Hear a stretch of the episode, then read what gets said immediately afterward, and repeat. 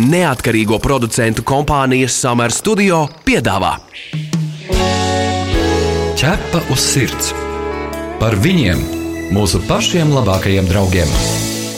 Raidījumu atbalsta Borisa un Ināras Teterevu fonds. Esiet sveicināti! Raidījums ķepa uz sirds ir klāts kārtējais pirmdienas vakars, kad varam jūs sveicināt šeit Latvijas radio pirmajā kanālā. Mani sauc Magnus Eriņš. Mani sauc Inese Kreitsberga. Labvakar, labvakar visiem dzīvnieku mīļiem, kā mēs bieži sakām, pūkainiem, ragainiem, nagainiem un astainiem. Bet uh, cilvēks, ja kā jau egoistiska būtne, vienmēr grib to, ko ieraudzīs un kas iepatīkas. Un bieži mums šķiet, ka mums nu, visi dzīvnieciņi tā ļoti, ļoti patīk.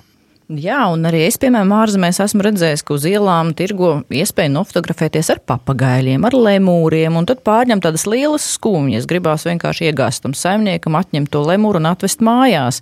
Bet vai tā būtu glābšana vai tomēr nelegāla darbība? Jo Latvijā, lai ievestu eksotiskus zvērus, nu nepieciešams daudz un dažādas atļaujas.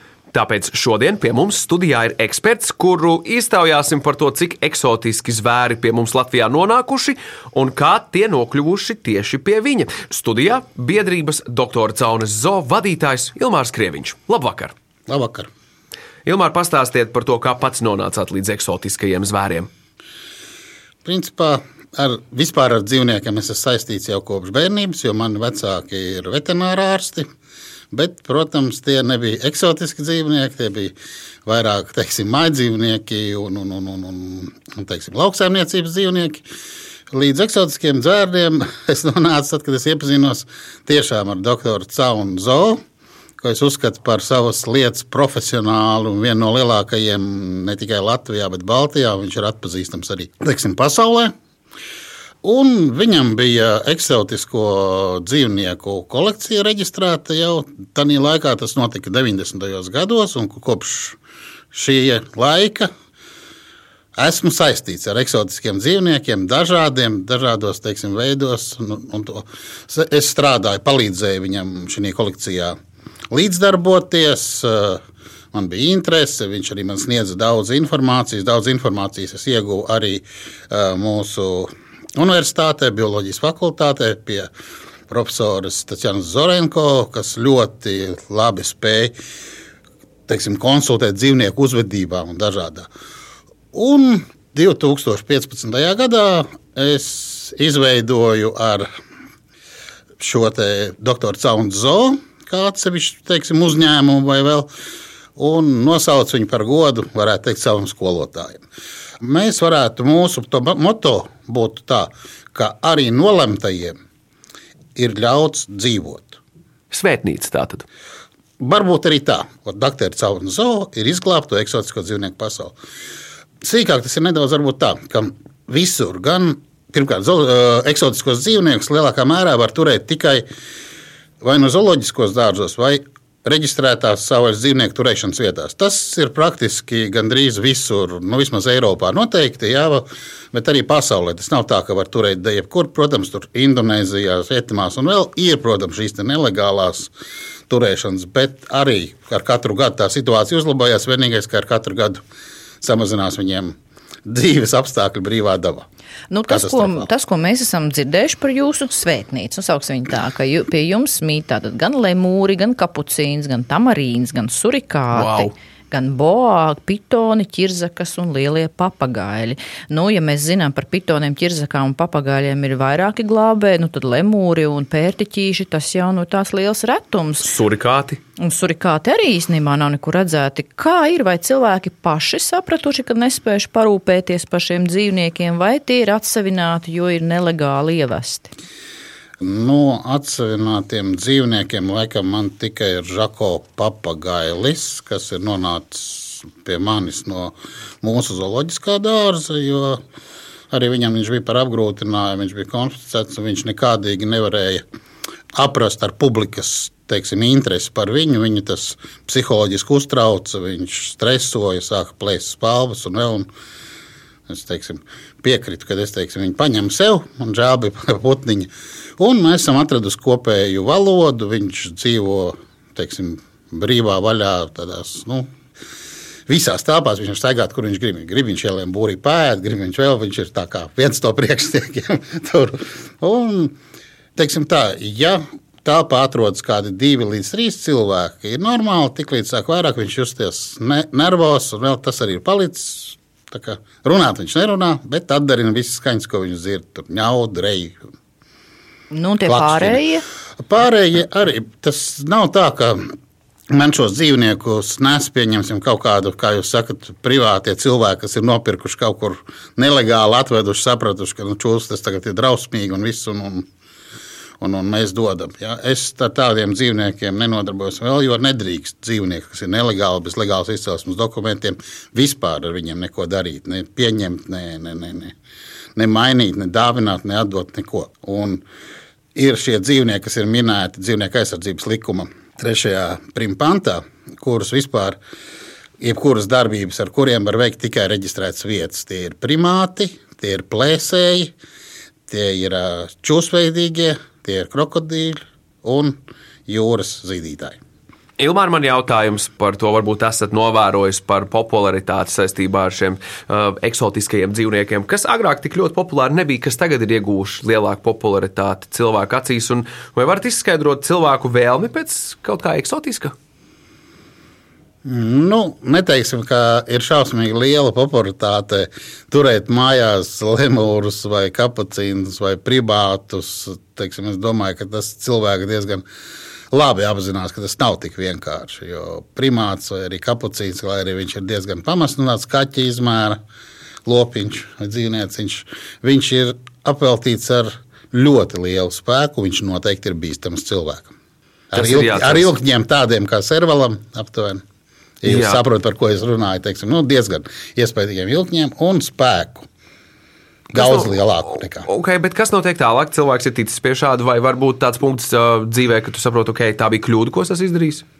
Mm, domāju, ka līdz tam, vai viņš tiks līdz šādam kapucīnam, es stipri apšaubu legālā veidā. Nelegālā. Nē, es domāju, to, kurā brīdī nu, teiksim, tas priekšstats par to skaisto pūkaino lemuru un mīlīgo pērtiķīti, kurā brīdī tas entuziasms noplūk līdz pirmajai traumai vai līdz pirmajai sapratnē, ka tas zvērs patiesībā ir mežonīgs. Kā jums liekas?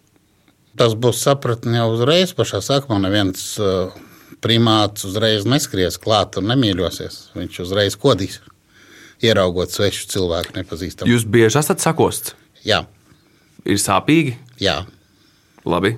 Neprognozējami, ja tas mērķis kaut kā brīdī. Jaunus, nu, ar savu pieredzi ar vien mazāk, ja, bet, bet, bet vienalga gadās, kad, kad iekoži sevišķi, ja kāds, nu, ne no maniem dzīvniekiem, bet kāds vai nu pie kāda kolēģis vai, vai, vai, vai, vai, teiksim, vai, vai arī kāds jauns dzīvnieks, kad, ir, kad ne, visu vēl nezinu, visu viņu uzvedību neesmu izpētījis. Bet jums nav bail pēc tam iet atpakaļ pie šiem dzīvniekiem, kuriem jums šķietam ir uzbrukuši tikai tāpēc, ka jūs viņu, jūs nepazīstat un otrādi.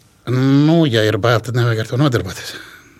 Bet runājot par tiem pērtiķīšu nu, tiem mīļotājiem un, un, un, un, un cienītājiem, es te palasīju tādu informāciju, ka izrādās, ka pērtiķīšus var legāli turēt vairākos ASV štatos. Tā kā nu, viņa popularitāte Amerikā diezgan lielu ir ieguvuši. Un īstenībā tie kapucīni pavada savu dienu aktīvi meklējot ēdienu, iezīmējot teritoriju un karājoties kokos. O. Nu, patiesībā diezgan jānodarbina tāds mērkaķis, jo viņam visu laiku ir patiesībā šādas te vēlmes, un kad ir ļoti jāsocializē no bēbīšu vecuma, un esot grūti atrast mērkaķa auklītes un vetārstus. E, Bērnībā atceros, bija tāds seriāls mūsu Čārlis, man šķiet, kas normalizēja pērtiķu turēšanu mājās. Uzreiz liekas, ka tas tik gudri un tik jauki ir, un, un, un, un vai, vai es pareizi informāciju nolasīju? kas Informācija, tomēr jā, dažādās valstīs ir dažāda šī likumdošana. Pieņemsim, Krievijā surikāti tiek uzskatīti par mājdzīvniekiem oficiālā līmenī. Tā, tā paša kā seski, suņi un kaķi. Bet vēl pabeidzot par mērkaķiem, labā ziņa vienīgā ir tāda, ka mērkaķi var mazgāt ar cilvēkiem domāto šampūnu. Tas ir vienīgais, kur var izmantot uh, Nedomāju, resursus. ka viņus vispār vajadzētu īpaši ar to aizrauties un mazgāt. Šie visi dzīvnieki paši ļoti labi spēj sevi apkopt. Un... Bet par lemūriem, jā, starp citu, vai, vai jūs piekritīsiet, ka lemūri kļūst eh, tomēr populārāki? Jo, piemēram, Instagramā mēs redzam ļoti daudzus arī, nu, teiksim, cilvēkus, kas uh, Japāna, Ķīna, viņi postē šos video, kur tie lemūru veidīgie zvēriņi ir diezgan populāri. Nu, ja mēs skatāmies, kas ir Instagramā, tur ir ļoti daudz un dažādu dzīvnieku, sākot no ziloņiem un beidzot ar lielajām čūskām un krokodīliem. Un vēl tāpēc, kā es saku, neviens nezina, kāds status ir šim. Te, tas, ko viņš saka, Instagramā ir viens, ja kāds viņam ir oficiālais status, varbūt viņš ir tur speciālists, liels tur strādājošs zoologiskā dārzā un vienkārši paralēli arī savā mājās noreģistrējis vai savā turēšanas vietā šo te objektu. Un, protams, ka viņš tad var par viņu parūpēties vēl, bet es nekādā gadījumā nevienu dzīvnieku, vai tas būtu suns, kaķis, tur, eksotiskais dzīvnieks, čūska, bruņurupucis, pērtiķis, papagails. Vispār neieteiktu viņu iegādāties, ja jūs nevarat dzīvot bez šī dzīvnieka. Tikai tādā gadījumā, ja jūs iekšēji jums ir pārliecība, ka jūs bez viņa nevarat dzīvot, tad droši. Dariet visu uz priekšu. Bet, ja tas ir tikai virkni iegriba vai bērnam, kaut kāds izpatikšana bērnam vai vēl, atrodiet variantu. Ir pietiekoši daudz cilvēku, kas tur šos dzīvniekus. Atrodiet variantu un pamēģiniet, lai bērns atnāk. Pamēģina pirmkārt pakontaktēt, pamēģina pabarot, Varbūt viņam ir bail no tā pērtiķa jau uzreiz pašā sākumā. Jo uz jebkurš, teiksim, pērtiķis būs nu, agresīvs pirmajā. Viņš kliedz, bļaus, radīs zobus. Mēģinās parādīt, ka viņš šeit ir galvenais. Tas ir pirmais. Otrkārt, jebkurš dzīvnieks ir jākopja, jānovāc viņa ekskrementi. Un vēl tas arī ir nu, teiksim, tāda lieta, ko daudzi negrib. Visi domā, ka teiksim, viņš pats par sevi kaut kur noliks, un viss būs kārtībā. Pats sapakos un maksimums jāizmet. Barību arī visi primāti, un visi viņi nav tā, ka viņi akurāti kā mēs pie galda pēdu. Un viss, tas viss tiek ēsts un mests visur, kur. Nu, un arī tieši tāpat viņi nokārtojās. Jebkur, tāpēc sākumā pa dienu viņi visi skraida, un pēc tam katru vakaru, es vai man cilvēks to palīdz, ja man viss tas tiek vākts, dezinficēts, tīrīts. Ķepa uz sirds jautā ekspertam.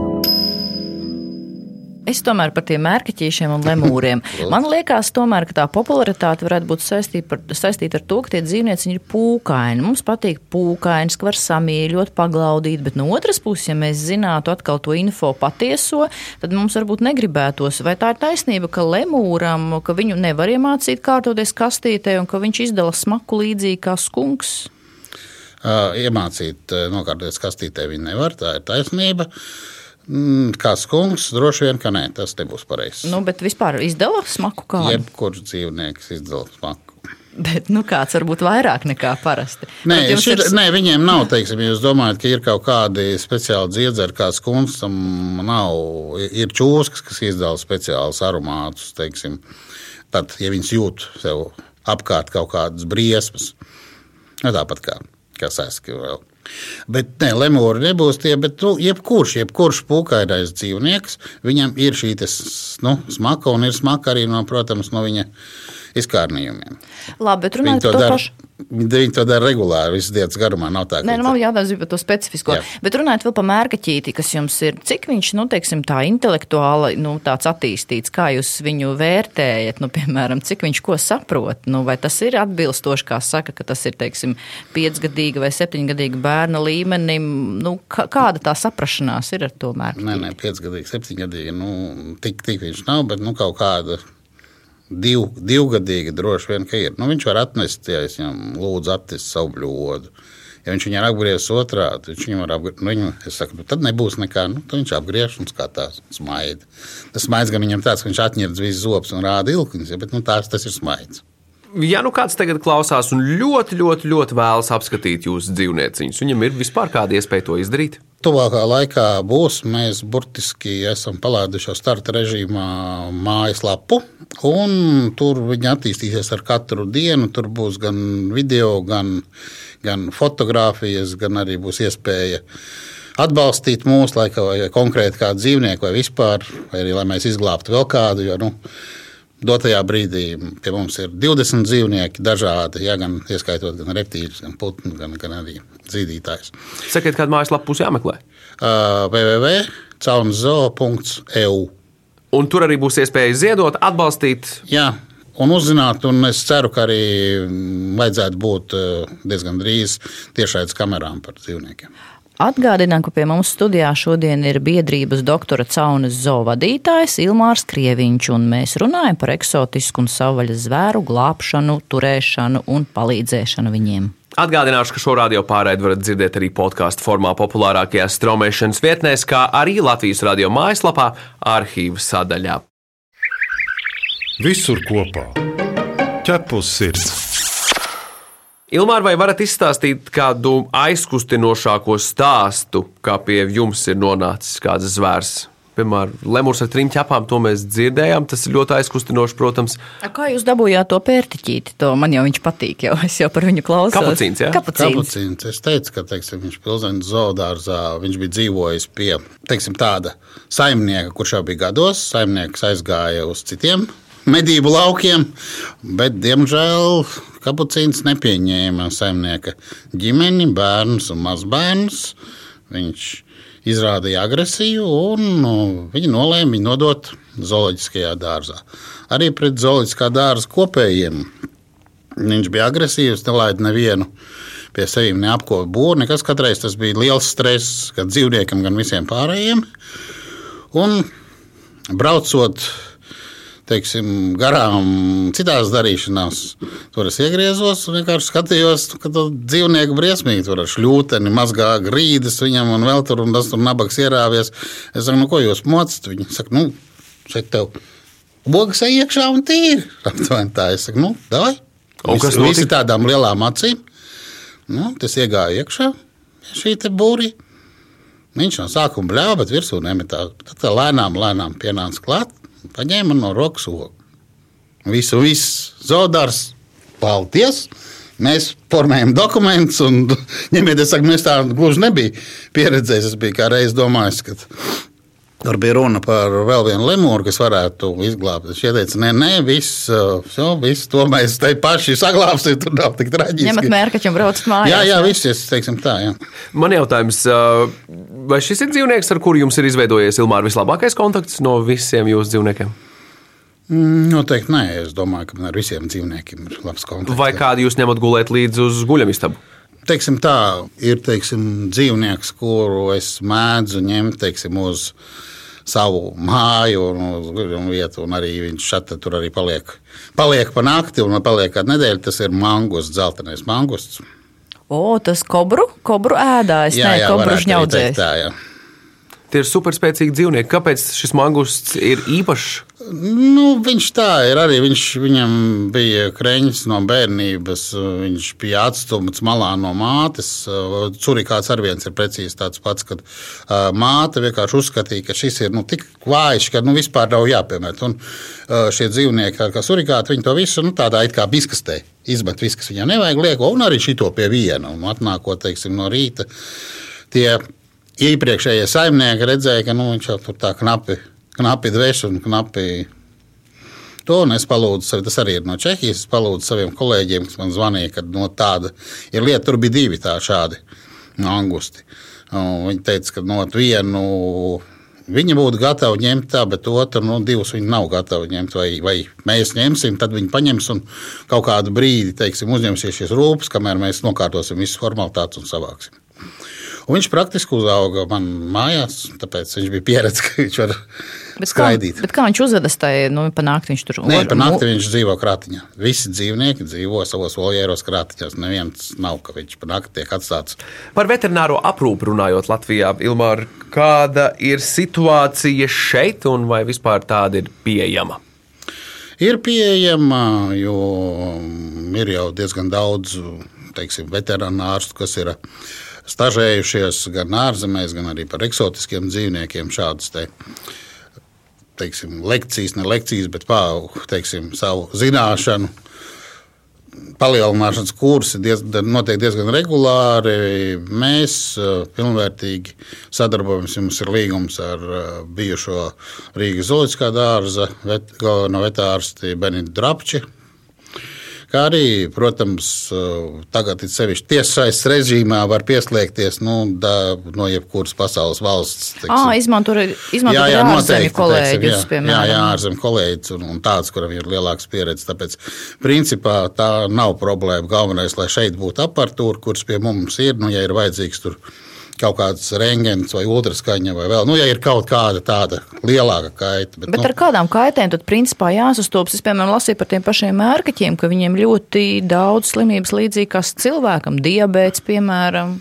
Vai tā arī ārstē līdzīgi?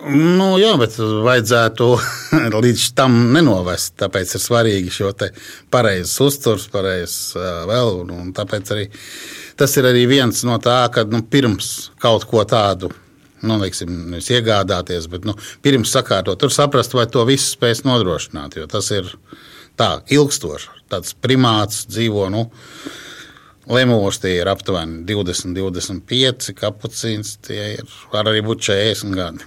Papagaila žako tas ir 80, 90. Cik ir vecākais uh, dzīvnieks jūsu mājās sastopams? Man ir čūska, tas ir karaliskais pitons. Viņam tagad ir, tagad es nesamalot, nu, 25 noteikti. Ja? Viņi ir jau zināmā vecumā, bet nu, ir gadījumi, kad viņi nodzīvo arī pie labas, teiksim, tas 25, 23, 25 tas ir vidējais, cik viņi dzīvo.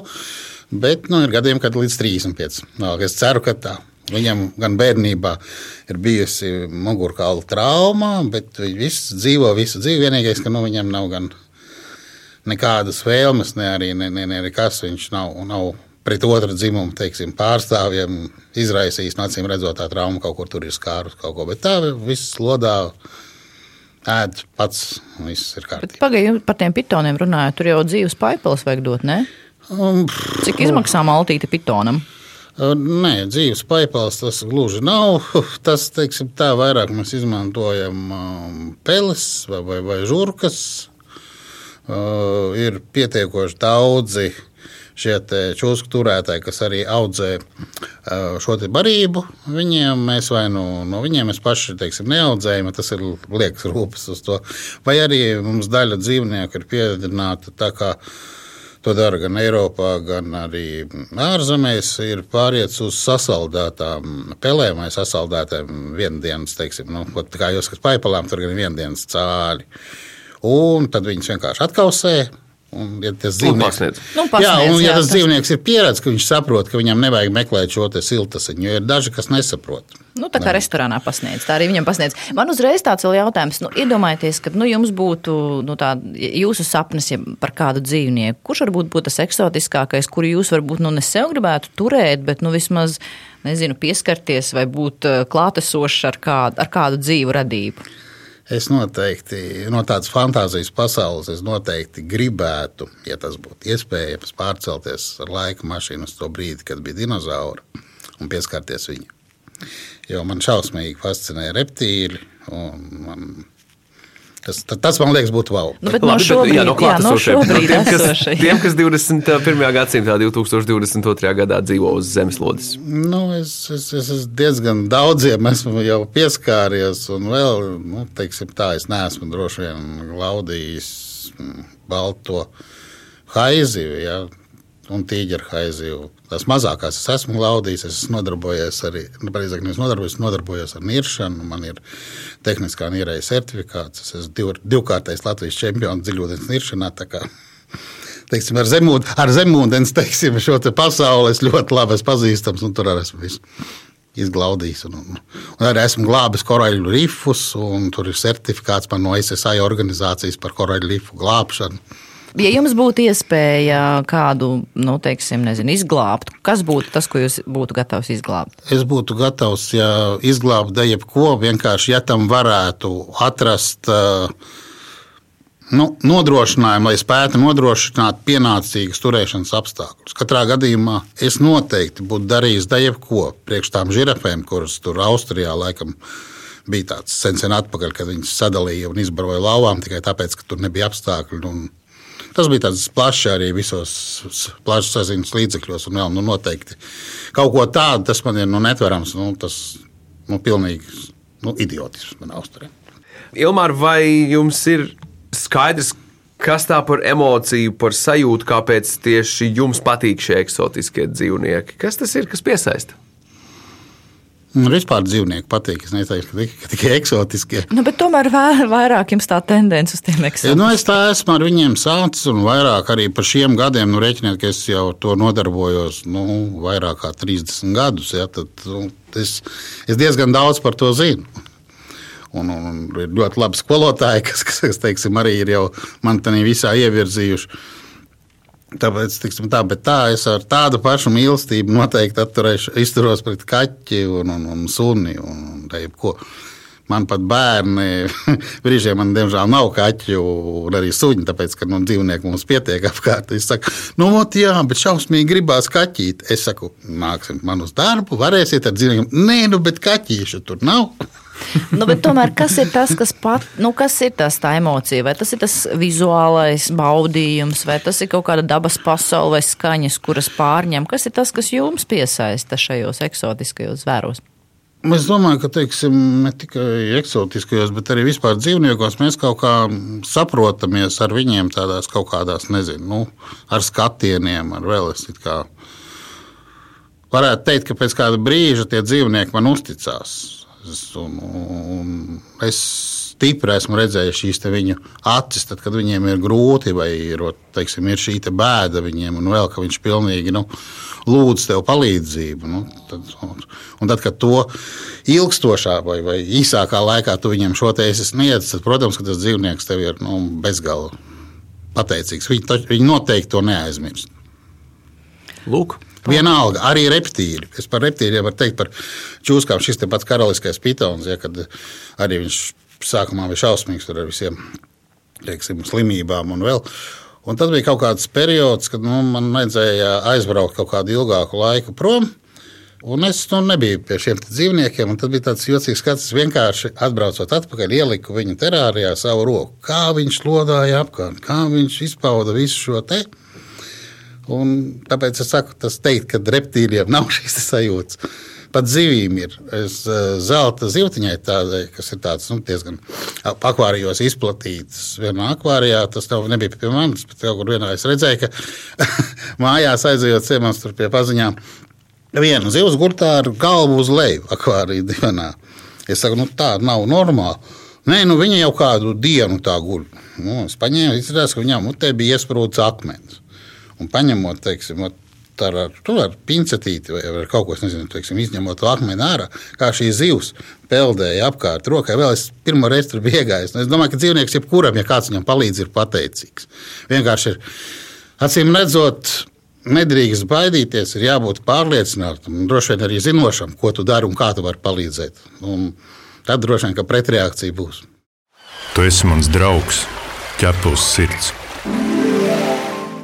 Paldies liels par sarunu. Pie mums šodienas studijā bija biedrības doktora Caunes zoovadītājs Ilmārs Krieviņš. Jā, paldies par šo eksotisku dzīvnieku. Noteikti uh, paliek tiem cilvēkiem, kuriem ir izpratne un um, attiecīgie resursi, lai varētu par tiem parūpēties. Un tam noteikti jābūt arī sirds aicinājumam. Tas nevar būt tā, ka ai man sagribējās tikai tāpēc, ka ieraudzīju internetā citam skaistu bildi. Bet man ļoti patīk tas, ko viesis teica, ka dzīvnieks ir jāņem tikai tad, kad savu dzīvi bez tā jūs nevarat iedomāties. Un tas patiesībā ļoti patiesi, un tas attiecās gan uz jebkuru suni, gan kaķi, kad uh, izvēlēties mājdzīvnieku tikai un vienīgi vajag tādā gadījumā. Tieši tā. Atgādinām, ka ķepus sirds TV raidījums redzams sestdienās 11.15 un atkārtojumās svētdienas pēcpusdienā LTV1. Mēs arī gaidām jūsu jautājumus, ierosinājumus, idejas sižetiem un rakstiet mums uz info atķepus sirds.lv. Bet šajā raidījumā tas ir arī viss. Mani sauc Ines Kreitsberga. Mani sauc Magnus Eriņš. Raidījumu veidoja neatkarīgo producentu kompānija Summer Studio. Visu labu! Atā!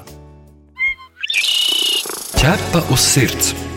Informatīvi izglītojošs raidījums par dzīvnieku pasauli un cilvēkiem tajā. Raidījumu atbalsta Borisa un Ināras Teterevu fonds.